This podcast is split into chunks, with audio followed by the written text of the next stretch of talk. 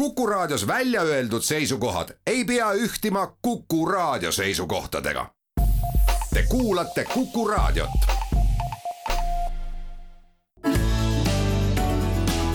keskpäevatund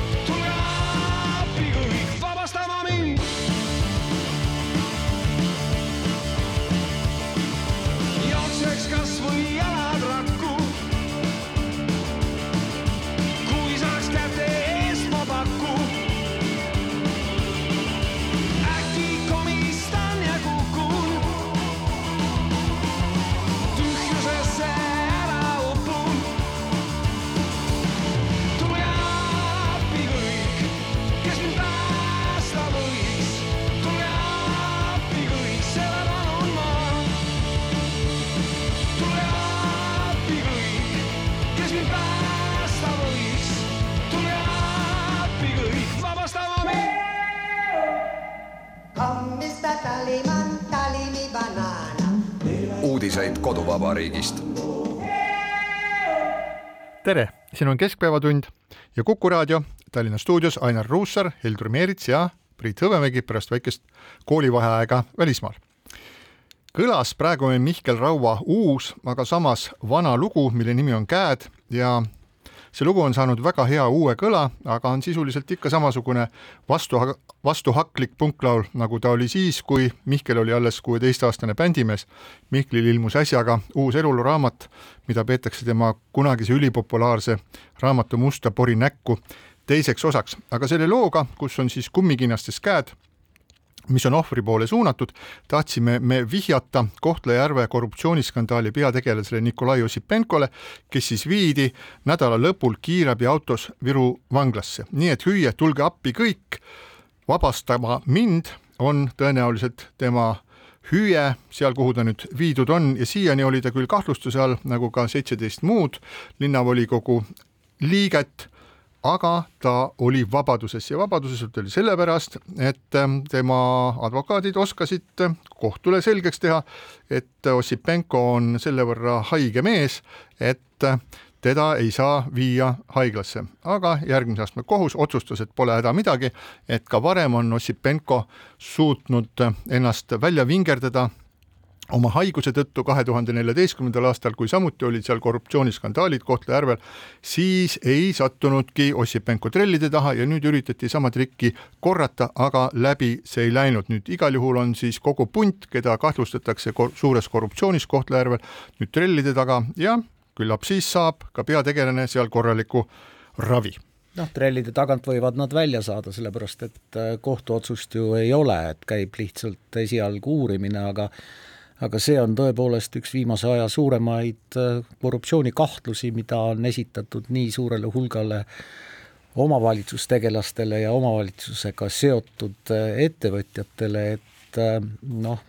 ma ei teagi, kas selles näha head või halba, et pigem äh, näha head selles, et ikkagi sellised korruptsioonijuhtumid, mis on nii ulatuslikud, mingis piirkonnas välja tulevad ja ilmselt mõjub see hoiatavalt ka kõigile teistele, kellel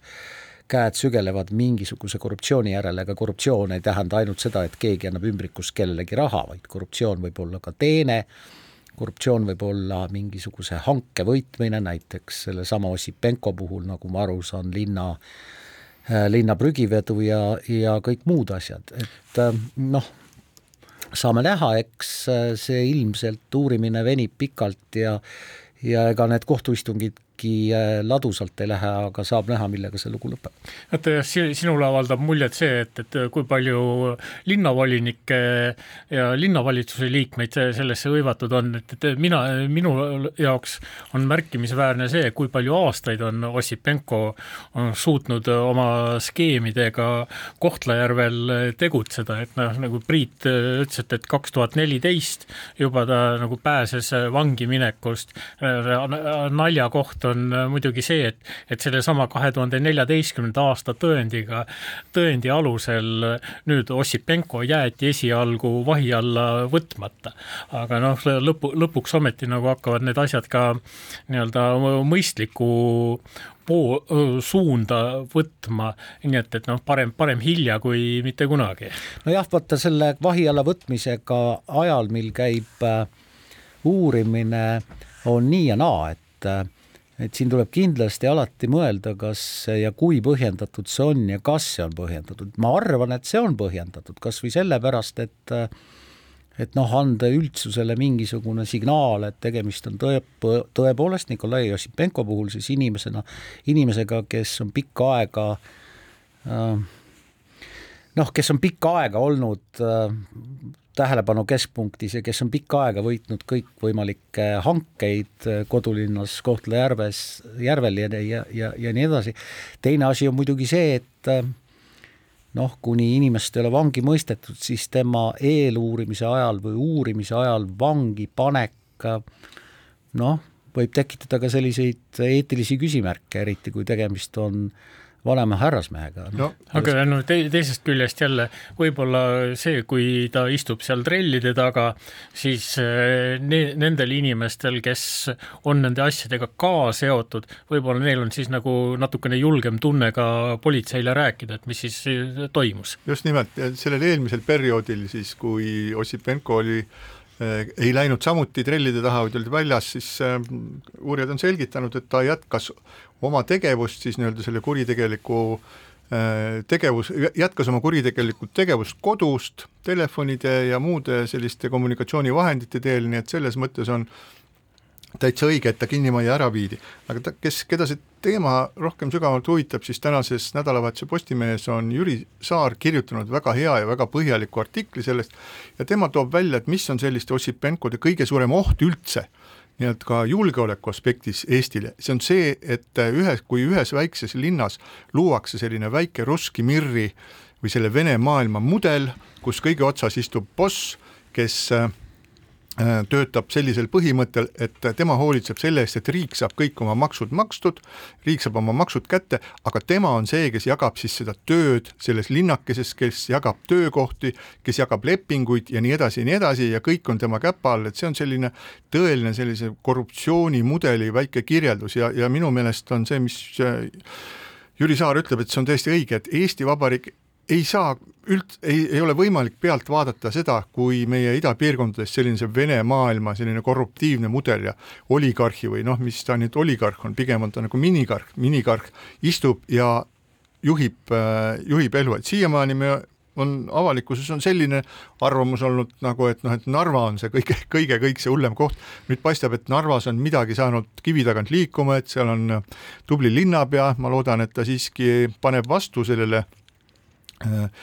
meelitusele või ahvatlusele lahkuda Narvast ja minna siis äh, Riigikogusse, ma arvan, et äh, Katri Raik on Narvas ikka Eesti Vabariigile väga-väga palju kasulikum, kui ta oleks Riigikogus istudes, et Narvas paistab, et on saanud asjad liikuma ja on ära viidud tank ja on igasugused muud imelikud puust viisnurkadega jurakad ära viidud ja küllap see vaikselt, see pööre hakkab seal minema, paistab, et Eesti pöörab ka rohkem tähelepanu Narvale. Nüüd, mitmesuguseid üritusi on ja tuleb kutseid sinna ja nii edasi, nii edasi aga siis on meil veel sellised pisikesed kohad nagu Kohtla-Järve ja Jõhvi ja kõik need ja nendega tuleb ikka tegeleda täpselt samamoodi, et ühel, ühel hetkel tuleb see nii tihekammselt läbi tõmmata, et kõik need ähm, prussakad jäävad sinna kinni ja saab normaalselt hakata elu uuesti üles ehitama. nojah, mina ka ei nimetaks Ossipenkot oligarhiks, et ehkki teda on hakatud niimoodi kutsuma, et oligarh on natuke ikkagi suurema mõõtmega tegelane viiekümnest miljonist dollarist Venemaal on siis, et allapoole on minigarh ja ülespoole on oligarh, see oli vanasti, nüüd on vist, peab olema viis miljardit selleks, et olla oligarh. nojah, ja oligarh mõjutab ikkagi suurt poliitikat ja paarkümmend aastat tagasi Lätis noh, oli poliitikuid ja ettevõtjaid, kes tegelikult mõjutasid ka suurt poliitikuid, noh nende kohta võis ilmselt ääri-veeri kasutada sõna oligarh, kindlasti Nikolai Ossipenko mingi oligarh ei ole, aga aga selles mõttes sul on Priit täiesti õigus, et tegelikult see Kohtla-Järve juhtum on selles mõttes hea, ükskõik kuidas see lõpeb ja ma eeldan, et see ei lõpe kõigi kahtlusaluste õigeksmõistva otsusega. aga vähemalt on see hoiatus ja vähemalt on see, vähemalt paneb see võib-olla ka kohalikke inimesi mõtlema, et kas me peame ikkagi elama nii, nagu me oleme elanud viisteist aastat või kümme kolmkümmend aastat, ma ütleks, et või kolmkümmend aastat. kolmkümmend aastat, et ühed ja samad inimesed määravad tegelikult meie elu rohkemal või vähemal määral, et et võib-olla see on selle asja kõige suurem väärtus, et kohalikud elanikud hakkavad natuke rohkem tähele panema, mis nende ümber toimub. seda kõike võiks vaadata ka korraks veidikene suuremas eh, pildis, et, et nagu sa, Priit, ütlesid, et, et see, kui palju see russki mirr meil siis tegelikkuses ka toimib või mitte, eks, et, et see Ossipenko kaasus on nüüd üks osa sellisest suuremast pildist ja et, et et noh, kui, kui me nagu mõtleme, et, et kui pikalt võttis meil aega, et me saime oma venekeelse telekanali öö, tööle, et, et kui, millised võitlused meil seisavad ilmselt veel ees ka selles osas, et, et kas siis kohalike omavalitsuste volikogudes öö, võib vene keeles istungeid pidada või, või mitte. eks, et noh, siin on selliseid äh, arenguid nagu täitsa palju ja, ja nad tagant ja noh, kasvõi seesama äh, Vene telekanalite edasi äh, transleerimise äh, äh, küsimus, et, et noh, ilmselt on meil siin Eestis olnud no, piisavalt palju äh, selliseid kasulikke idioote, kes on siis rääkinud sõnavabadusest ja, ja no äh, kõikvõimalikest muudest inimarmastajalikest äh, vaatenurkadest. jah, aga nagu tagajärg on nagu olnud see, et, et seesama Vene, Vene maailm on meil äh, Lasnamäel ja Kirde-Eestis ikkagi nagu üsna, üsna heast, hea tervise juures olnud. aga noh, nüüd on, tundub, et nüüd me oleme selle siin mingisugusest murdepunktist üle ikkagi. nojah, vaata, sul on ühtepidi õigus, Heldur, aga teistpidi äh,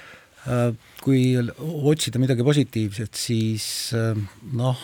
see russki mirr puudutab ikkagi tegelikult äh, suhteliselt äh, elanikke nelikümmend pluss, ehk siis minu enda kogemus sealtsamast Kohtla-Järvelt, kus ma õpetasin venekeelsest keskkonnast tulnud noori eesti keeles, on see, et nende mõttelaad on hoopis teistsugune. Ehk siis see noor põlvkond elab natuke teistsuguses maailmas, sõltumata sellest, mida vanaisa või ka isa või ema kodus, kodus räägivad või, või mida nad kodus vaatavad või, või millist raadiot nemad kuulavad, et et ma arvan, et põlvkondade vahetusega tekib siiski siiski teatud murrang, aga sinna noh, ilmselt läheb me oleme aega. nagu väga-väga ohtlikult lähedal sellele oma ebakompetentsuse tasandile mina- aga mina mingisugused ole. nagu kultuurilised väärtused ikkagi liiguvad põlvkonnast põlvkonda edasi ja noh, kuigi no Venemaal on nüüd äh, küll äh, arutletud selle üle, et, et kui usaldusväärsed need sotsioloogilised küsitlused on, aga nagu tundub niimoodi, et, et noh, Venemaal ikkagi ka noorem põlvkond toetab seda Ukraina sõda ja, ja et, et selles osas on nii vanem kui noorem põlvkond nagu suhteliselt sama, samal lainel no jaa, aga ega meie ei saa midagi teha, see, mis Venemaal, mis põlvkond keda toetab, me ei saa sinna mitte midagi teha, küll me saame väga palju teha nende inimeste osas, kes on meiega koos, elavad siin Eestimaal, kas neil on hall pass või neil on äh, punane pass või mis iganes värvi pass neil on, aga et me oleme siin nagu üheskoos, et mina olen laiemas plaanis pidanud alati, kui on tulnud jälle mõni niisugune suurejoone integratsioonikriitik, kes ütleb, et jaa, et aga eestlased ei ole teinud ikka piisavalt palju selleks, et me in- integ-, integreeriksime int- ja, ja eh, enda sisse tõmbaksime, et me pole piisavalt, ma ei tea, pole, pole võtnud saapaid jalast ära, pole astunud kolm sammu veel tagasi, et noh, et kuidagi enda sisse tõmmata, siis siis minu vastuväide sellest, sellistele nagu äh, seisukohtadel on see, et ähm, aga äkki on hoopis nii, et Eesti, Eestis on leitud selline täiesti ainulaadne äh, koos eksisteerimise mudel. Et me suudame elada ilma suuremate plahvatusteta, noh, oli pronk, pronksiöö oli, aga arvestame seda, et seda õhutati siiski põhjalikult äh, siis Venemaa poolt, et me oleme õppinud elama siis äh, oma äh, suure hulga venekeelsete inimestega, meil on olemas mingisugune mudel, et me ei käi ja ei kirista hambaid teineteise peale, me saame omavahel läbi, me näeme, et vähehaaval asi läheb äh, paremaks, no ütleme niimoodi, et ega siis, kui impeeriumite piirid liiguvad, siis ühe, ühe Anatol Liivani uuringu põhjal või tema kirjutatud äh, essee põhjal ütleb ta, et impeeriumite piir, lagunevate impeeriumite piiridel kestab käärimine ja loksumine veel umbes sada aastat. nii et selles mõttes me oleme impeeriumi lagunemisest siiski kõigest kaugunenud, kaugenenud ainult kolmkümmend aastat, nii et kõik need liikumised, loksumine, see on, see on nii ja naa, nii et äh, mulle tundub, et need asjad muutuvad, ma näen seda ka näiteks ülikoolis, kus tuleb igal aastal tuleb siis üha rohkem venekeelseid äh, vene perekondadest pärit üliõpilasi, kes on õppinud Eesti koolides, kes räägivad väga korralikku eesti keelt, kes ütlevad, et aga kodus ma ei saa oma vanematega poliitikast rääkida, aga kes ise on nagu täiesti sellised nagu väga toredad inimesed ja ma tuleks, tuletaks meelde, et ta, kirjanik Tauno Vahter on kirjutanud oma uue romaani, uue romaani, mille nimi on Hea venelane. Ja see räägib see räägib noorte elust, kuidas nad omavahel suhtlevad ja niisugust seiklustest seal äh, kooli, koolivaheajal ja mis neil kõik seal seal saab. Ja see hea vene, selle hea venelase peategelane ongi siis tema, tema isa on äh, venelane ja ema on eestlanna ja siis kogu selle raamatu läbiv liin on see, et tal kodus on mingisugused sellised, et üks, ühe vanema temperament on üht, ühes ühtmoodi ja teisel on teistmoodi ja siis aga osa sõpradest on eestlased ja osa sõpradest on vene perekondadest pärit ja seal on see kõik nagu täiesti normaalne, et mingid konfliktid on, aga minu meelest see ongi nüüd see, mis sündimas on parajasti noore põlvkonna peal, et kes viitsib, luge, lugegu seda Tauno Vahteri raamatut Hea venelane, see on väga ilusti kirjutatud sellest. ma olen nõus, et, et need kaks kogukonda laias laastus on õppinud äh, koos elama ja, ja ma olen nõus ka sellega, et eks, eks mõlemad kogukonnad aeg-ajalt äh, noh, äh, on valmis ka mõne asja eest taanduma, et noh, ma ei tea, ega mulle nüüd ei meeldi, et vanasti õhtul kell kakskümmend kolm null null hakkavad taevasse lendama raketid, sellepärast et siis tähistatakse uue aasta saabumist Venemaalt. kannatab välja. aga kannatab ära. ega mulle ei meeldi üheksandal mail ajakirjanikuna käies sõjaväe kalmistul pronkssõduri juures, ega mulle ei meeldi näha, kuidas viiskümmend pluss õpetajad toovad vene koolidest õpilasi, kellel on kaelarätid kaelas, sinna pronkssõduri juurde lille, lilli viima, ega mulle see ei meeldi, aga aga need lapsed vaevalt on sinna nüüd ise läinud, ma olen seda korduvalt üheksandal mail näinud, ega mulle ei meeldi see. aga noh, tuhka, üheksas mai on, on, on nende jaoks selline tähtpäev. aga mis mulle üldse ei meeldi, on see, et või mida ma natuke kardan, on see, et et Eesti keskvalitsus ja ka omavalitsused äh, tunnevad ikkagi natuke ennast äh, mugavalt selles mõttes, et kehtestada mingisuguseid seaduslikke nõu, nõudeid ja noh, mind ikka väga pani mõtlema see Postimehe lugu lasteaiaõpetaja aastapreemia saanud Narve, Narva lasteaia Tareke äh, õpetajast Jelena Potškovast, kes ei oska eesti keelt ja kes ütles, et ta ei tahagi eesti keelt ära õppida, sest see on liiga keeruline. tegemist on tubli lasteaiaõpetajaga, väga aktiivse lasteaiaõpetajaga, aga eesti keelt ta ei oska ja preemia kättesaamisel pidas ta venekeelse kõne, vot, vot see ärritab mind, et siin peaks olema riik natukene resoluutsem. ma olen täitsa nõus, et kusjuures noh, ta ütles ju väga arusaadavalt ka, et et ma kirjutasin selle eestikeelse kõne, aga ma läksin nii närvi, et ma ei suutnud seda, sellega hakkama saada, ma täitsa usun, et selline asi võib olla, nüüd neid küsimusi, mis minu jaoks on olulised, on kaks. et äh, äh, see, mida me, me tegelikult tahaksime näha Eestis, on see, et äh, need, kes eesti keelt ei valda, et need teevad mingisuguse pingutuse, et nad ütlevad, vabandage, ma, ma, ma tõesti püüan ja, ja et äh, aga no mul ei tule veel välja, aga ma midagi teen selle nimel, ma saan aru, et see on nagu vajalik, et kui, kui sellel õpetajal oli selline selline attituud, et siis see on okei okay,, et ta ei öelnud, et oh, ma ei saa üldse hakkama, aga ma saan aru, et ta oli nagu hädas, ta hindas oma mingisuguseid oskusi üle, aga mis mulle on täiesti arusaamatu, kuidas on võimalik, et aastaõpetajaks sellisel ajal, nagu meil praegu on, valitakse üldse inimene, kes eesti keeles ei oska rääkida, kes toot-, töötab haridussfääris, nagu öeldakse, see on mulle täiesti arusaamatu ja ma ei saa aru, mis inimesed ta sinna valisid ja kes need olid, kes sellise otsuse tegid ja mis oli nende motivatsioon, nad tegelikult saavutasid seda, nad tõmbasid sellele inimesele, kes võib olla nagu väga okei okay ja kes võib-olla aasta pärast oskaks eesti keelt juba korralikult rääkida, tõmbasid talle niisuguse, vabandust,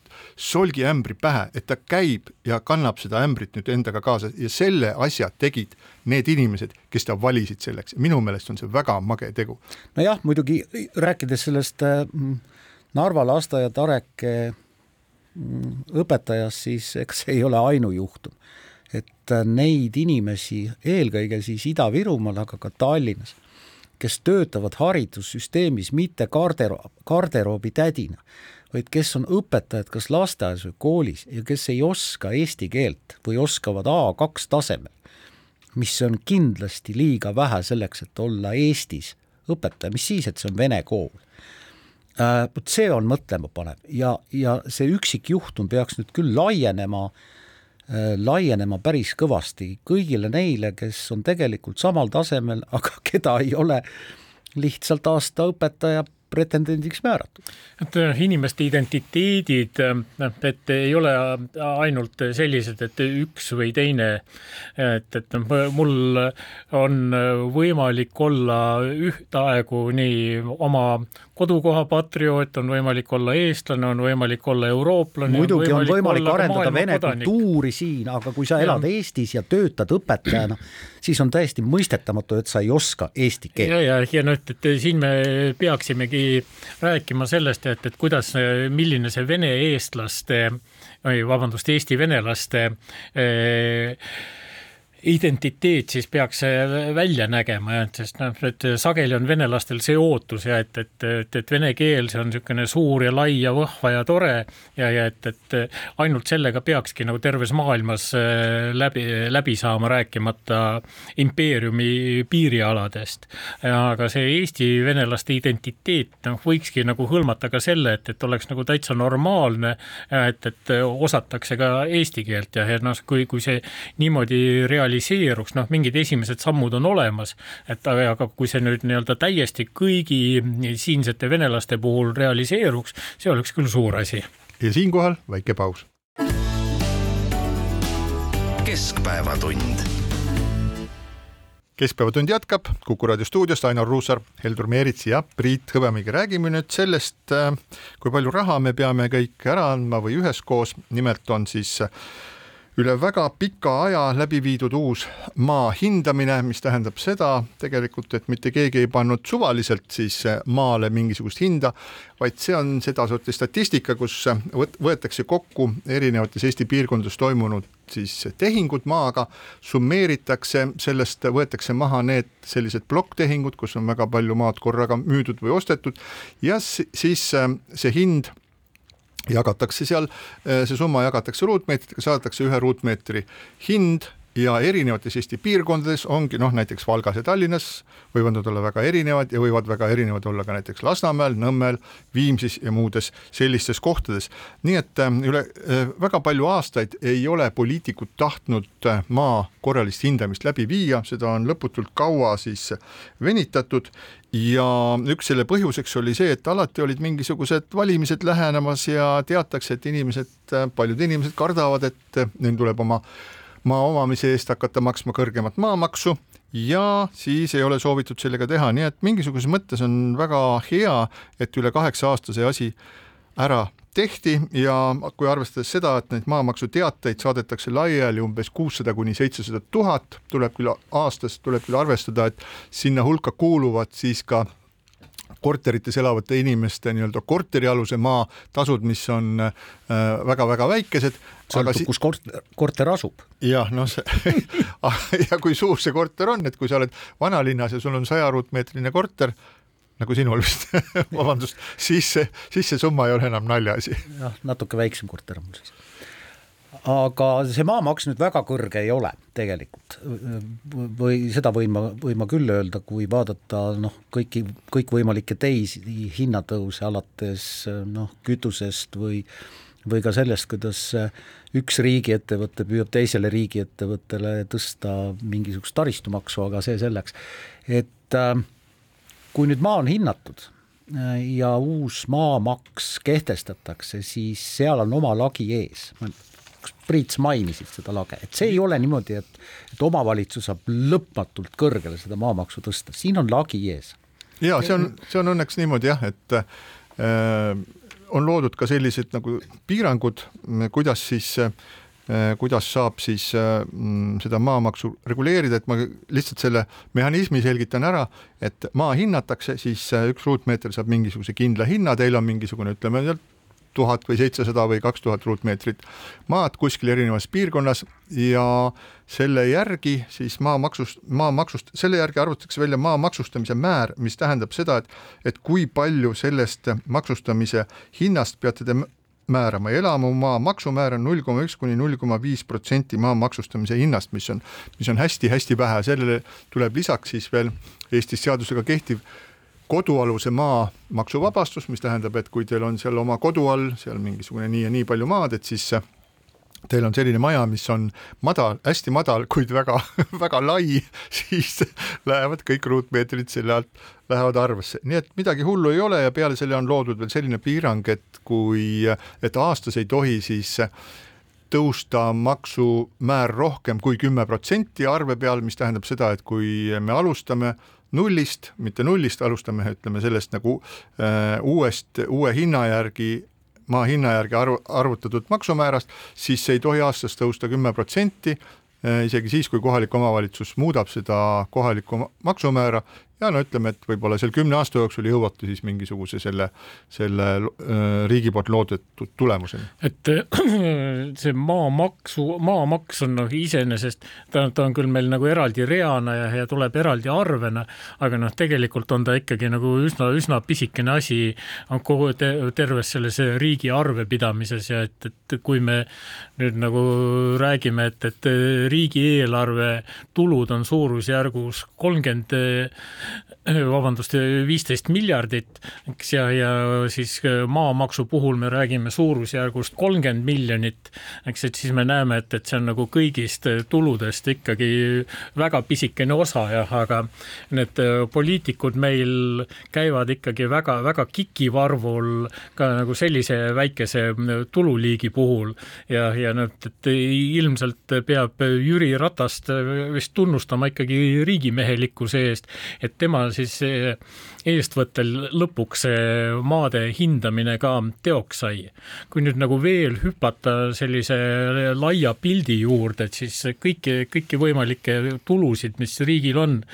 neid saab jagada kolme, kolme rühma, eks, et on tulude maksustamine, tarbimise maksustamine ja varade maksustamine ja, ja see selline üldine arvamus on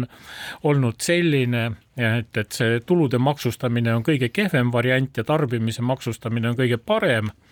ja, ja varade maksustamine on siin kuskil vahel. Ja siis Eestis see varade maksustamine on noh, praktiliselt olematu, et, et mulle nagu peale selle maamaksu midagi nagu ette ei, üldse ei löögi.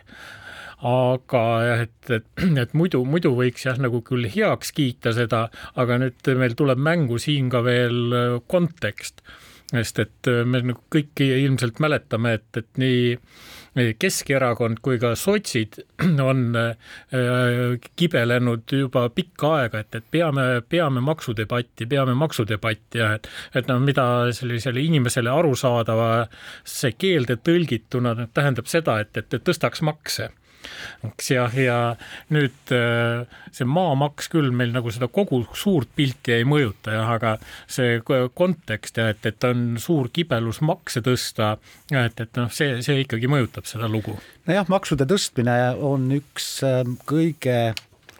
ebapopulaarsemaid, aga kõige kiiremaid variante, et kuidagi nagu riigikassat äh, äh täita ja see on, see on tõepoolest kõige lihtsam, aga see on ka väga-väga-väga keeruline poliitiline otsus, sellepärast et noh, maks on nii emotsionaalne asi, et äh, ilmselt väga paljud inimesed ei ei saaks arugi, kui tulumaksu määra tõsta üks protsent, sest maksude alandamisest mitte keegi ei räägi, kõik, kes räägivad maksudebatis tegelikult noh, kui neile silma vaadata, siis nad ikkagi noh, nende silmadest kumab vastu see, et me peame natuke ilmselt makse ülespoole tõstma. nüüd, nüüd jah, suur küsimus on see, et ja suur vaidlus on ikkagi olnud see, et kas siis see maks peaks olema veel astmelisem, kui ta on või, või on ta ikkagi ühetaoline ja kas see maksutõus üle ühe protsendi näiteks oleks ühiskonnas ärasöödav, aga enne Riigikogu valimisi märtsis ei juhtu suurt midagi, võib-olla me näeme mõnedes debattides ettevaatlikke maksudebatte, aga seda, et mõni parlamenti pürgiv kuuest erakonnast ütleks otse välja jah makse tuleb tõsta kaks protsenti, that's it, nii see hakkab olema. ma arvan, et ühestki kuuest parteist sellist äh, avaldust me enne märtsi valimisi ei kuule. et no selline mõistlik äh, maksudebatt oleks see, et, et kui me ühte maksu tõstame, et millist teist maksu me siis alandame. aga jah, seda vist on palju tahta. no maksude tõstmine valimisteemana on, on kahtlemata üks võima-, üks äh, võimalikke variante aga maksude tõstmine on hea valimisteema ainult ühel juhul. ja see on see, kui valijaskonnas on palju inimesi, keda saab meelitada sellise väitega, et võtame, tõstame makse selleks, et võtta rikastelt raha ära ja anname väheosalistele juurde. siis see funktsioneerib, aga selleks peab olema selline nagu Rahvapartei, kellel on selline elektoraat ja traditsiooniliselt Eestis on selline partei olnud siis Keskerakond ja Keskerakond on just nimelt sellise äh, sellise elektoraadiga saanud siis selle, ma ei tea, poolastmelise või veidiastmelise tulumaksu, nagu meil praegu siin Eestis on ja mis, mis omakorda on tekitanud siis äh, maksuküüru ja millega keegi enam eriti raha, rahul ei ole, selle, sellepärast et Keskerakonna poolt loodud süsteem tegelikult võtab, vähendab juba nende inimeste tulusid, keda nad tahtsid, tahtsid omal ajal kaitsta, aga praegusel hetkel, kus Keskerakond on nii-öelda minetanud oma või minetamas oma sellise suure rahvapartei staatust, siis isegi kui nemad tuleksid selle maksudebatiga välja, nad võiksid olla kindlad, et nad loobitakse kividega surnuks ja sellest maksudebatist mitte midagi ei sünni. ja seda tõepoolest, et nüüd mõni suur erakond siis nagu äh, Reformierakond või EKRE hakkaks tõsiselt praegu maksudega, maksude kallal õiendama, maksude tõstmisest rääkima neli kuud või ja veelgi vähem enne valimisi, noh, seda on küll väga raske uskuda, see tähendab kindlasti osa oma valijate peletamist mingisugusesse teise, teise erakonna tiiva alla. nojah, ja maksudebati kolmas osa on ju tegelikult tarbimismaks või siis noh, nii-öelda käibemaks ehk siis noh, on, riike, kus käibemaks pluss aktsiisid. aktsiisid jah, et on riike, kus mõnede kaupade puhul on käibemaksud ja aktsiisid noh, meie mõistes ikka röögatult kõrged aga samas on tehtud mööndusi, näiteks elektriautod, mis Eestis maksavad suhteliselt palju, on, on selles riigis suhteliselt odavad, kuna riik soodustab elektriautode soetamist. nii et noh, see ega see maksudebatt ei ole lihtsalt äh, tulumaksu ümber, see peaks olema hästi laialdane, hästi suur debatt kuni selleni välja, et et kuidas kuidas meie makstavad maksud, aktsiisid ja käibemaksud ja tulumaksud mõjutavad ka keskkonda, kus me elame? Vot äh, võib-olla oleks selle maksu äh, nende, nende inimeste puhul kes tahaksid nüüd makse tõsta, et, et võib-olla oleks kasulikum äh, mõelda neil natukene ka nii-öelda kastist väljas. et nende eesmärk on see, et, et maksutuled oleksid suuremad ja siis nad ei oska näha muud võimalust, kui lihtsalt maksumäärade äh, tõstmine.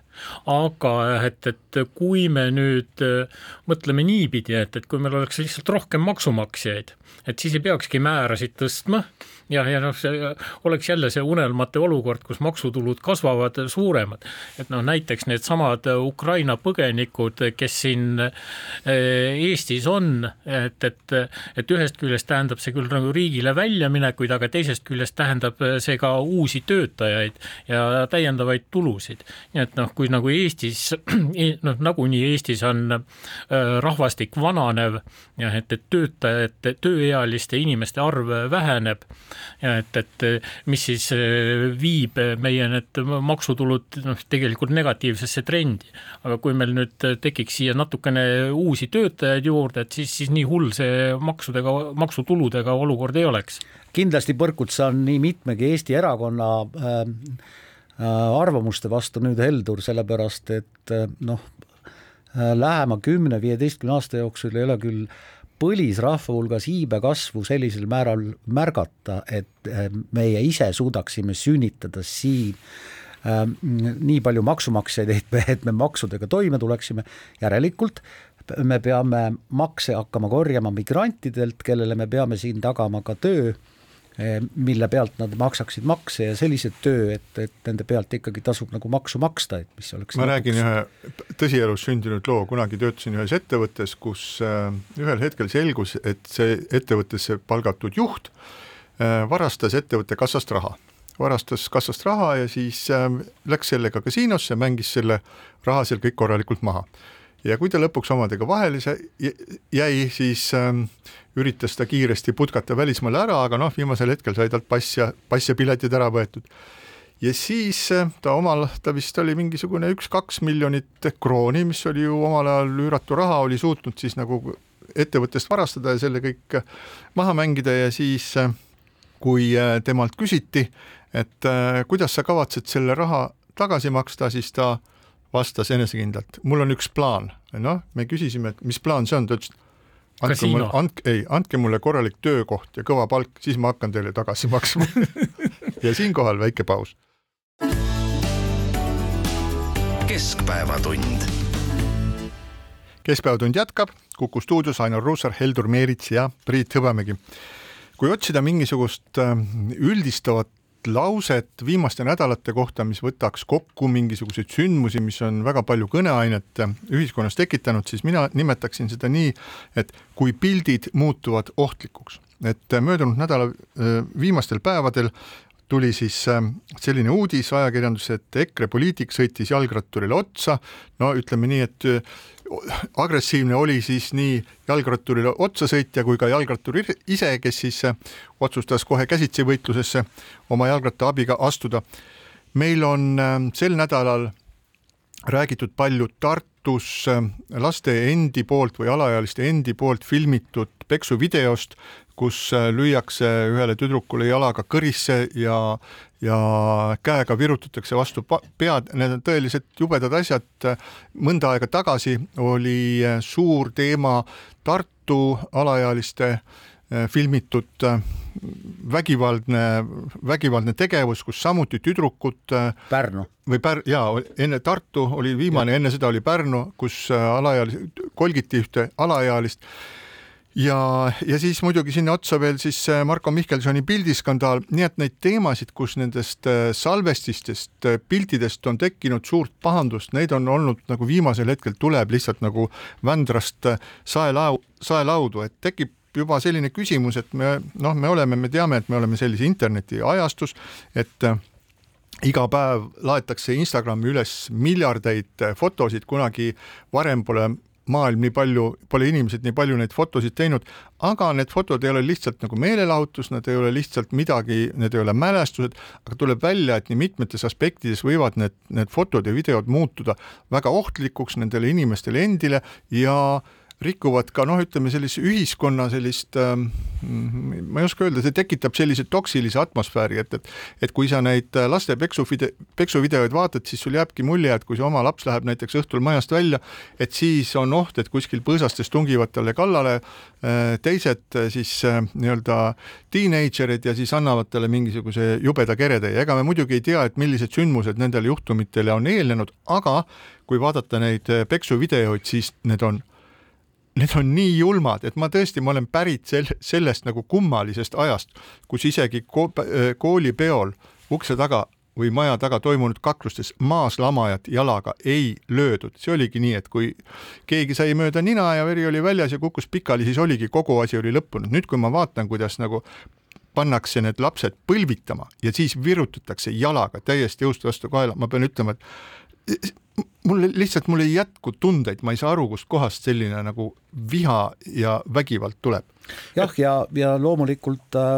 kõik need sotsiaalmeediavõrgustikud, kuhu neid fotosid ja, või videosid üles laetakse, ühtepidi võimendab seda, et ma olen igasuguse tsensuuri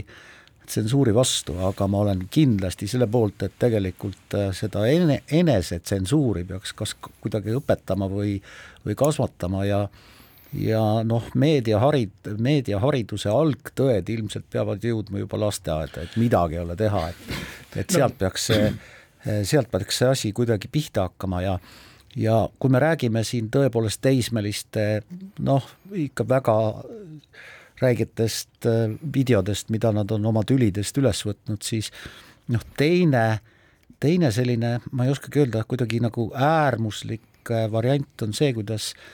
erinevates sõdades, viimaste viieteistkümne aasta sõdades julmusi toime pannud või tegelikult selliseid noh, ka sõjaaja seadusi rikkunud sõjaväelased on postitanud sotsiaalvõrgustikke videosid, kus nad on räigelt sooritanud kuritegusid, kus nad on rünnanud tsiviilelanikke, olgu see siis Gruusia sõda kaks tuhat kaheksa või praegune eh, sõda Ukrainas noh, see on jah, kuidagi üle piiri läinud ja mina ei tea retsepti, kuidas seda kontrollida, et ilmselt võtab see aega ja ilmselt ikkagi ongi see kuidagi nagu meedia alused, mõelge, mida te pildistate, mõelge, kuhu te seda riputate, mõelge, miks te seda teete. vaata, no see nüüd päris nagu nii, nii, niisama ühene ei ole, eks, et, et no Marko Mihkelsoni puhul me võime kindlasti öelda, eks, et oleks ta, kui ta poleks neid pilte teinud, siis ei oleks ka nagu mingisugust probleemi. ja et, et nüüd see, mis neid noorukite peksmisi puudutab, siis seal me ei saa öelda, eks, et, et olge meediateadlikud ja ärge, ärge, ärge levitage, et noh, peksta võite, aga nurga taga ja vaikselt omaette, et, et seda ma ei ole öelnud. ja, ja just, et, et noh, seal, seal nagu sellise nõuandega me hakkama ei saa ja, ja noh no,, noorukite puhul on ju noh, ikka nii, et, et mingisuguseid piire katsetatakse ja ei teata jah, kuidas oma pingeid täpselt välja elada. aga nii, niisuguste murede lahendamiseks jah, mingisuguste väga üldiste nõuannetega on nagu keeruline lageda, siin on raske midagi välja pakkuda. no jaa, aga samas on institutsioone, kes on ikkagi seadnud endale põhimõtte, et äh, meeldib see või ei meeldi, aga et teatud olukordades korjatakse mobiiltelefonid ära, näiteks äh, ajateenistuses olles ja tõuke selleks muide andis august kaks tuhat kaheksa, kui äh, sotsiaalvõrgustikus hakkasid levima just nimelt äh, kõigepealt äh, Gruusia sõjaväelaste tehtud videod Sinvali linnast, kuhu nad lühikeseks ajaks sisse tungisid ja kus nad tegelikult valimatult tulistasid tsiviilobjekte ja ka tänavatel liikunud üksikuid tsiviilelanikke. nii et noh, on institutsioone, kus eh, saab asja kontrolli all hoida, näiteks sõjavägi, mis ei tähenda, et sõjaväes üldse ei tohiks eh, mobiiltelefoni saada kasutada, aga noh, ilmselt mingites olukordades on aga jah, et, et kas sa oled nagu ka sama meelt, et eh, koolipäeva alguses tuleks õpilastelt mobiiltelefonid ära korjata? mulle paljudes..., mulle tundub, et see on nagu mõistlik mõte. väga paljudes koolides on see nõue äh, mitte koolipäeva alguses, vaid, vaid vähemalt tunni alguses, aga mõnedel, mõnedel puhkudel ka koolipäeva alguses. seal on veel üks huvitav aspekt on see, et siis tuleb õpetaja, tal on kast on käes, ta käib nagu klassi läbi, ütleb, et pange oma telefon siia sisse. ja siis on väga huvitav, et siis on nagu vahe, et kellel on iPhone neliteist Pro ja kellel on mingisugune Androidi vanem mudel, et selles mõttes see, see, see on jälle umbes samamoodi nagu, et milline pusa kellelgi kellelgi on või, aga see on lihtsalt selline vinjett seal kõrval. ja, ja väga paljudel korja... on kaks mobiiltelefoni. just nimelt ja, ja see on umbes nagu selles Metsiku lääne filmis, et pane oma püstol lauale, aga tal on tegelikult on saapas on tal veel teine, teine mobiil on vöö vahel. aga jah, no et, et mingi, mingisugused õiguslased kindlasti ütlevad, et, et kas see ei ole nüüd õpilaste ahistamine, eks, ja et, et noh, see natukene sarnaneb ka selle äh, nakku, nakkushaiguste ennetamise ja tõrje seadusega, eks, et et kas, kas siin on nüüd äh, selle koolitunni, koolipäeva alguses see olemas see üldine hüve, mida selle mobiiltelefoni äraandmisega saavutatakse või, või see on nüüd inimeste ahistamine? ja äh, ma olen näinud ka äh, ja kogenud ka teistsugust lähenemist, kus äh, on õpetajaid, kes, kes ei lase ära korjata mobiiltelefoni, vaid püüavad suure osa oma õppetööst ehitada üles või iseseisvast tööst ehitada üles just nimelt sellele, et kasutage oma mobiiltelefoni. ja teisest küljest on meil, on olemas tõsiselt, tõsiseltvõetavaid teaduslikke uurimusi, mis ütlevad seda, et mitte ainult mobiiltelefoni kasutamine, vaid paljalt fakt, et see, et mobiiltelefon on sul laual või on sul läheduses, häirib inimese ja eriti noorte tähelepanuvõimet olulisel määral, sellepärast et nende mõtted keerlevad selle ümber, et mida seal, mis, mis, mis, mis sinna on nüüd tulnud mis sinna on nüüd tulnud, kes on neile midagi teatanud ja, ja nad nagu ki-, kibelevad, et millal tekib see hetk, et saaks, nii et isegi, et selles mõttes on see äravõtmine minu meelest nagu hea võte, et sa pannakse sinna karpi ja karp pannakse sinna ja, ja, ja ta ei ole sul siin kuskil vöö vahel, et sa mõtled, millal ma saaks selle sealt välja tõmmata, aga see küsimus, mida ma tegelikult saate lõpul siin tahaks esitada, et et oluline roll nüüd on siin meedial, kes on siis meie tänase tava kohaselt siis, kui leitakse selline video hakkab ringlema, siis udustatakse näod, et äh, ohvreid seal mitte identifitseerida ja siis pannakse see kuskile veebi üles. nüüd äh, seal on mitu võimalust, et kas, kas avaldada selliseid videoid või mitte avaldada või avaldada ainult stopp-kaadreid, no kui me neid videoid üldse meedias ei avaldaks, kas maailm oleks siis nagu parem, et kas siis äh, kas siis oleks nagu kõik korras või kuidas selliste olukordade jaoks ei ole mingisugust nagu välja kujunenud üldist reeglit, ei meil Eestis ega seda ei ole välja kujunenud ka kuskil mujal maailmas, et see on, see on umbes nagu nii ja naa, aga tegelikult mulle tundub, et mingisugune ühtne arusaamine ja suhtumine võiks olla selles osas. no vot seda ühtset arusaama ja suhtumist on väga keeruline kehtestada, et noh, eks ole, ennast soliidseks pidav väljaanne võib öelda, et meie reeglistik on selline, et avaldame seda ja kindlasti ei avalda toda, noh, ka Facebook on natuke proovinud, äh, proovinud kuidagi äh, kahtlasena tunduvat sisu tsenseerida või seda blokeerida, ega see lõplikult tänapäeval ilmselt ei, ei õnnestu, et see on ikkagi iga äh,, iga meediakanali omaniku või valdaja või juhi äh, või juhtkonna või seal töötavate inimeste enda, enda otsus ja moraali küsimus. seal on neid asjaolusid, mis lõpptulemust mõjutavad niivõrd palju, et, et et noh, me räägime nagu mitme, mitmekümnest faktorist ja, ja nüüd see avaldamine või mitteavaldamine on ainult üks paljudest. seal on üks aspekt, mis mis on tundlik, see on just nii-öelda see eapiir, et kui tegu on alaealistega, ega meie siis ju Äh, kui ähm, Jaapani endist peaministrit tulistati, eks ole, avalikul esinemisel tuli, tulistati lähedalt, siis see video oli ju kõikides CNN-is, BBC-s, see oli kõikjal, kõikjal olemas, kuigi tegu ei ole lihtsalt mingisuguse jalahoobiga, vaid tegu oli lihtsalt mõrvaga avalikkuse ees. nii et äh, küsimus on kindlasti selles, et kuidas me siis nagu alaealistega peaksime käituma, aga täna me ilmselt seda asja siin välja ei nuputa, püüame seda teha edaspidi, täname teid kõiki kuulamast ja kohtume taas nädala pärast keskpäevatund